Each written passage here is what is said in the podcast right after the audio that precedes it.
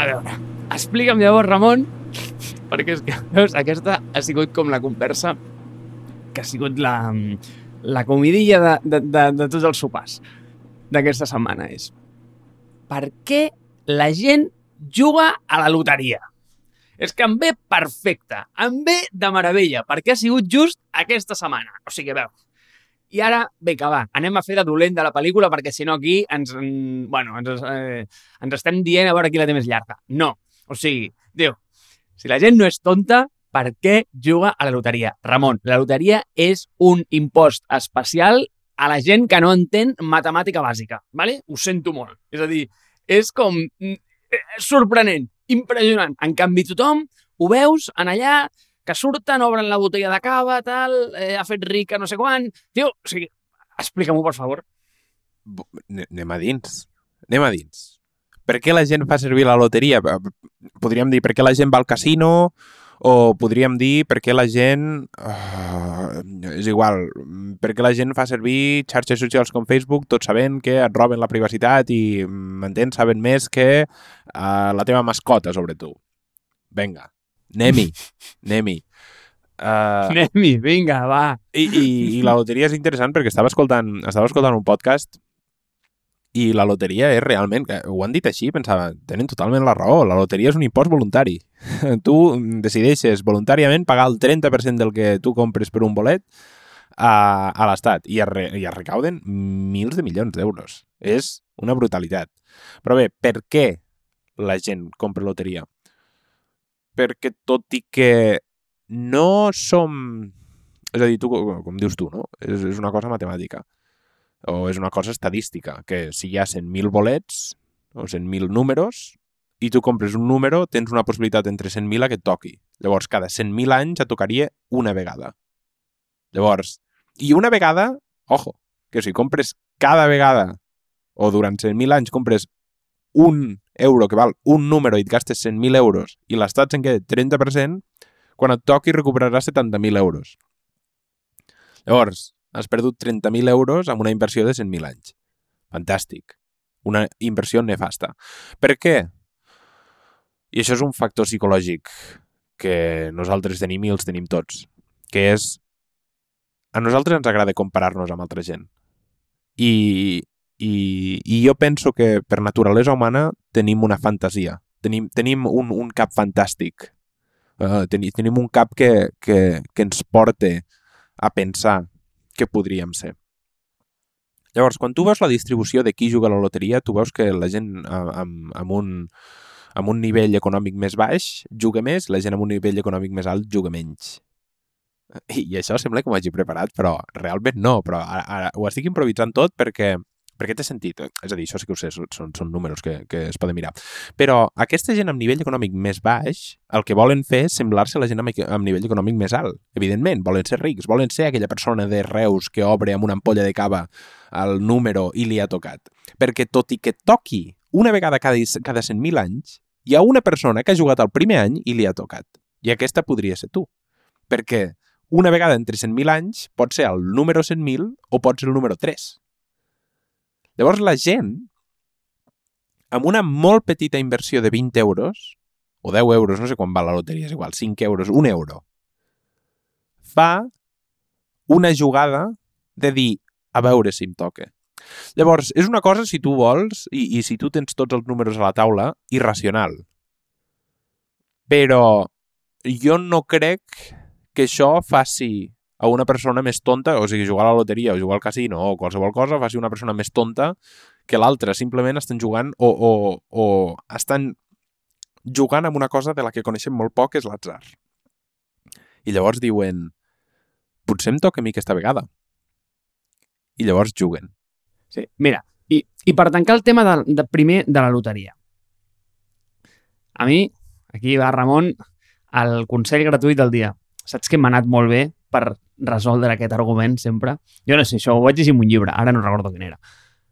Però, bàsicament, tu has tret el número de 100.000, no? Perquè assumeixo que la loteria té 100.000 números o una cosa així, crec. Eh, I dius, mira, 100.000. Jo quan penso en 100.000, en què penso? Amb el Camp Nou. I dius, Marc, tio, tu mai parles de futbol, però bueno, aquesta analogia és fàcil, saps? Vull dir, eh, mm, quan vols posar com en, en perspectiva quanta gent són 100.000, penso en un Camp Nou. Dic, mira, fot un Camp Nou. Eh, imagina't que es, omplim un Camp Nou, tots, i donem un numeret a cada un. I allò és la loteria. Bueno, té sentit, no? 100.000 tios, un número cada un. I dius, tu, Ramon, jugues a la loteria aquesta o no? I tothom diu, cony, clar que jugo, home, la loteria, segur. Però ara et canvio la jugada. I en lloc d'estar al Camp Nou, estem tu i jo sentats en una taula d'un bar. I anem a jugar al mateix joc, però en lloc d'haver-hi 100.000 tios, tu tens un número i jo en tinc 99.999.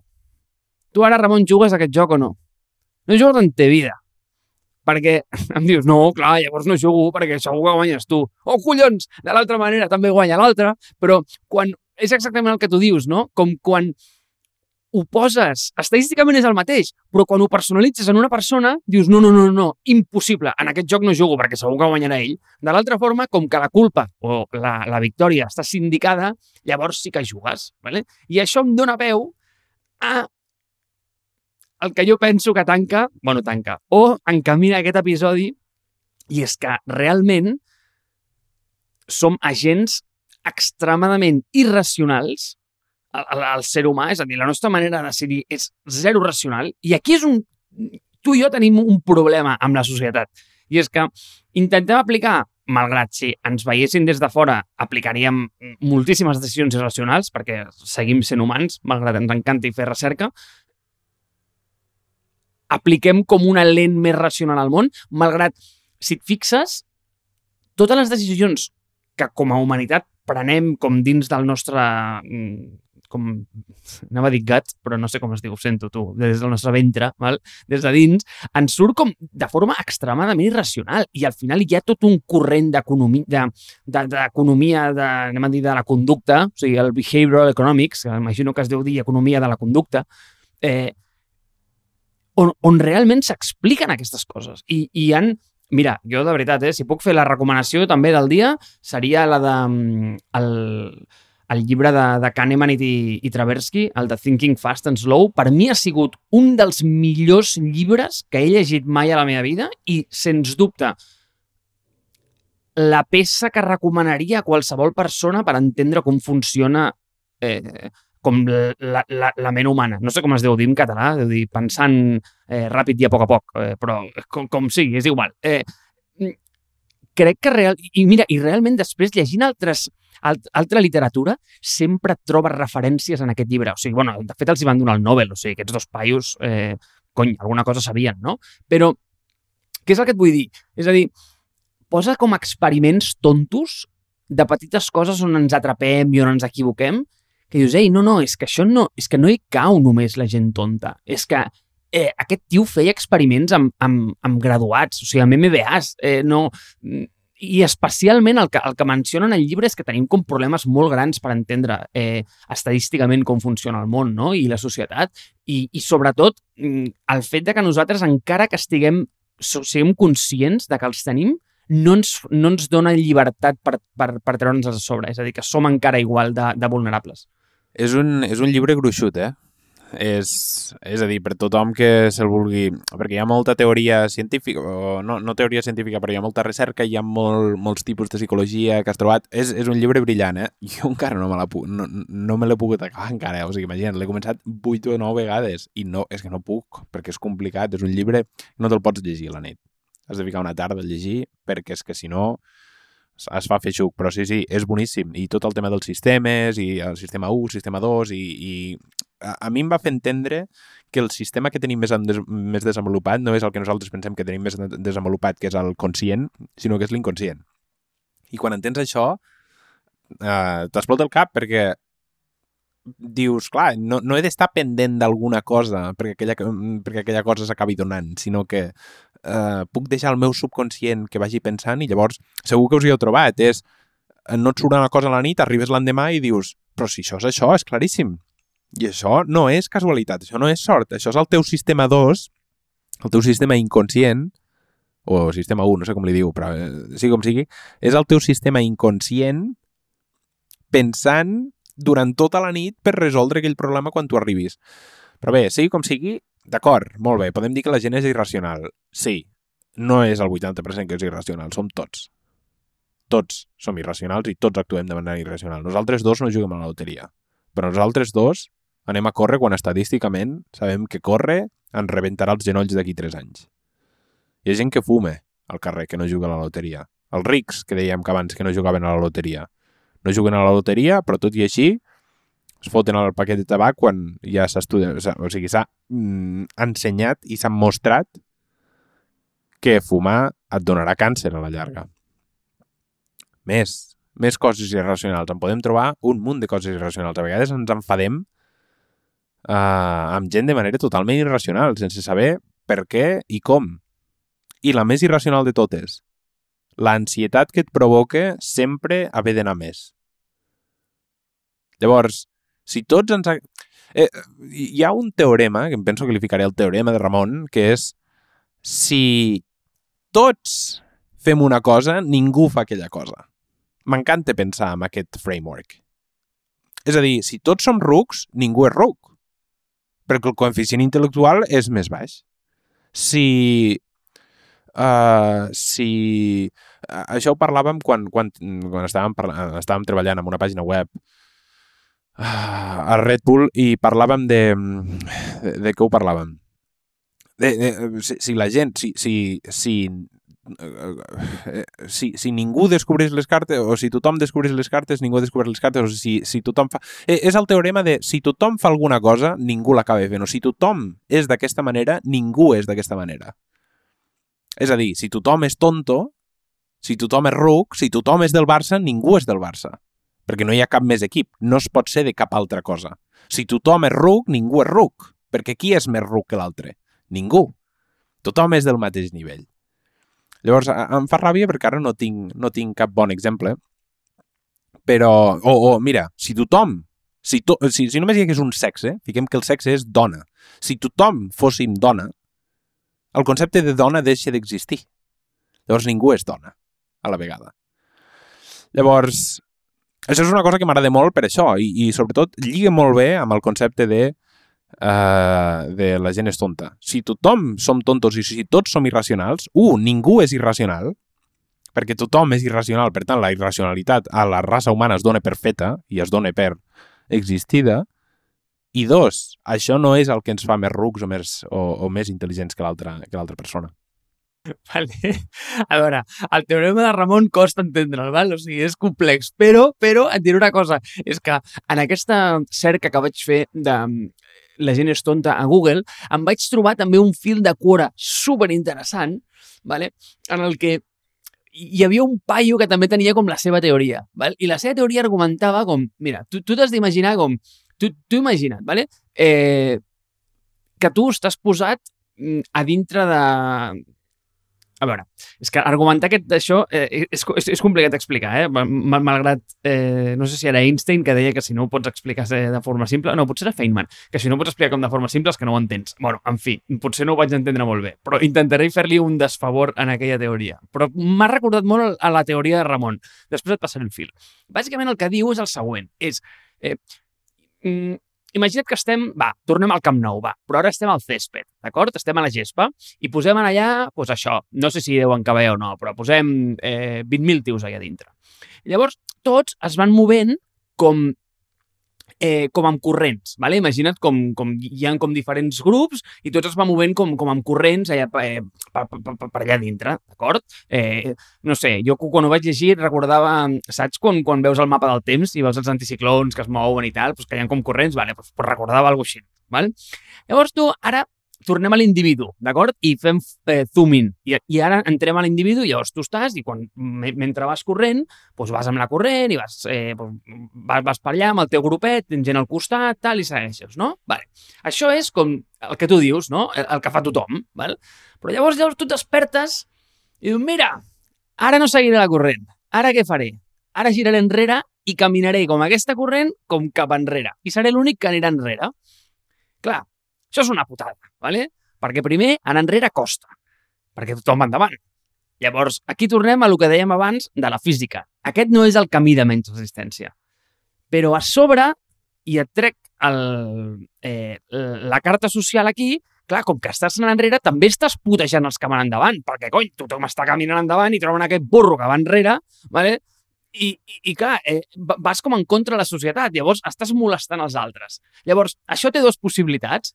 Et juro que això és un fil de cura, eh? O sigui, tota aquesta teoria està explicada eh, eh, per, per escrit. Eh, ara després el posarem, perquè a mi em va fascinar. Eh, i, I llavors tu vas caminant en contra i clar, llavors això tens com dues possibilitats. El fet de que, o A, et cansis de caminar en contra i diguis, va, puta merda, home, i segueixis ja caminant en recte en la mateixa direcció i diguis, tu, m'he cansat, o que comencis a aconseguir convèncer suficient gent com perquè s'agrupin amb tu i comencin a tirar vale? cap a l'altra banda. Llavors el paio es preguntava, en quin moment, en quin moment el teu corrent té la suficient massa crítica com per convertir-se en un d'aquells corrents que abans estàvem veient que dèiem que era un anticicló, saps? Llavors, eh, clar, és el que tu dius. Llavors estàs en el moment en el que tothom pensa el mateix. I llavors, clar, el, el, el tio es, es, es preguntava, el que va començar com un corrent d'una persona que era eh, controvèrsia, en quin moment es converteix en, eh, en conventional wisdom? I vaig pensar, hòstia, nen, això és brillant. O sigui, no, no, no sé com has arribat aquí, però, però és interessant eh, és totalment així. I, I, de fet, bueno, és que m'encanta això perquè és el... Ho sabia que t'agradaria. Bueno, m'encanta perquè això és màrqueting. És a dir, eh, estic super interessat en màrqueting i si ho penses fredament és quin és el punt d'inflexió? M'agrada molt aquesta, para aquesta paraula. Eh, punt d'inflexió. Des de que me'l van explicar, l'he fet servir sempre que he pogut. M'agrada molt el punt d'inflexió que fa que el teu producte exploti, que la teva pàgina web exploti. I exploti amb el bon sentit de la paraula, és a dir, que molta gent el vegui. Que la teva teoria agafi tracció. Uh, que qualsevol cosa que facis agafi l'embranzida necessària perquè molta gent el descobreixi. I llavors, bum, ja estàs a dalt.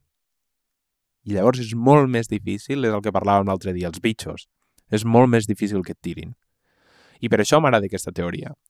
Però tornant a la, a la irracionalitat, llavors, si tu pots guanyar adeptes a tot arreu, quan considerem que una persona no sap el que fa? Quan considerem que una persona és ruc? Podríem dir, hòstia, el, la gent eh, que ha votat a Trump als Estats Units és tonta. Jo no, jo no, jo no, votaria, jo no votaria Trump, evidentment.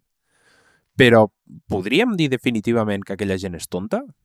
està molt en desacord amb la majoria del que pensem tots nosaltres.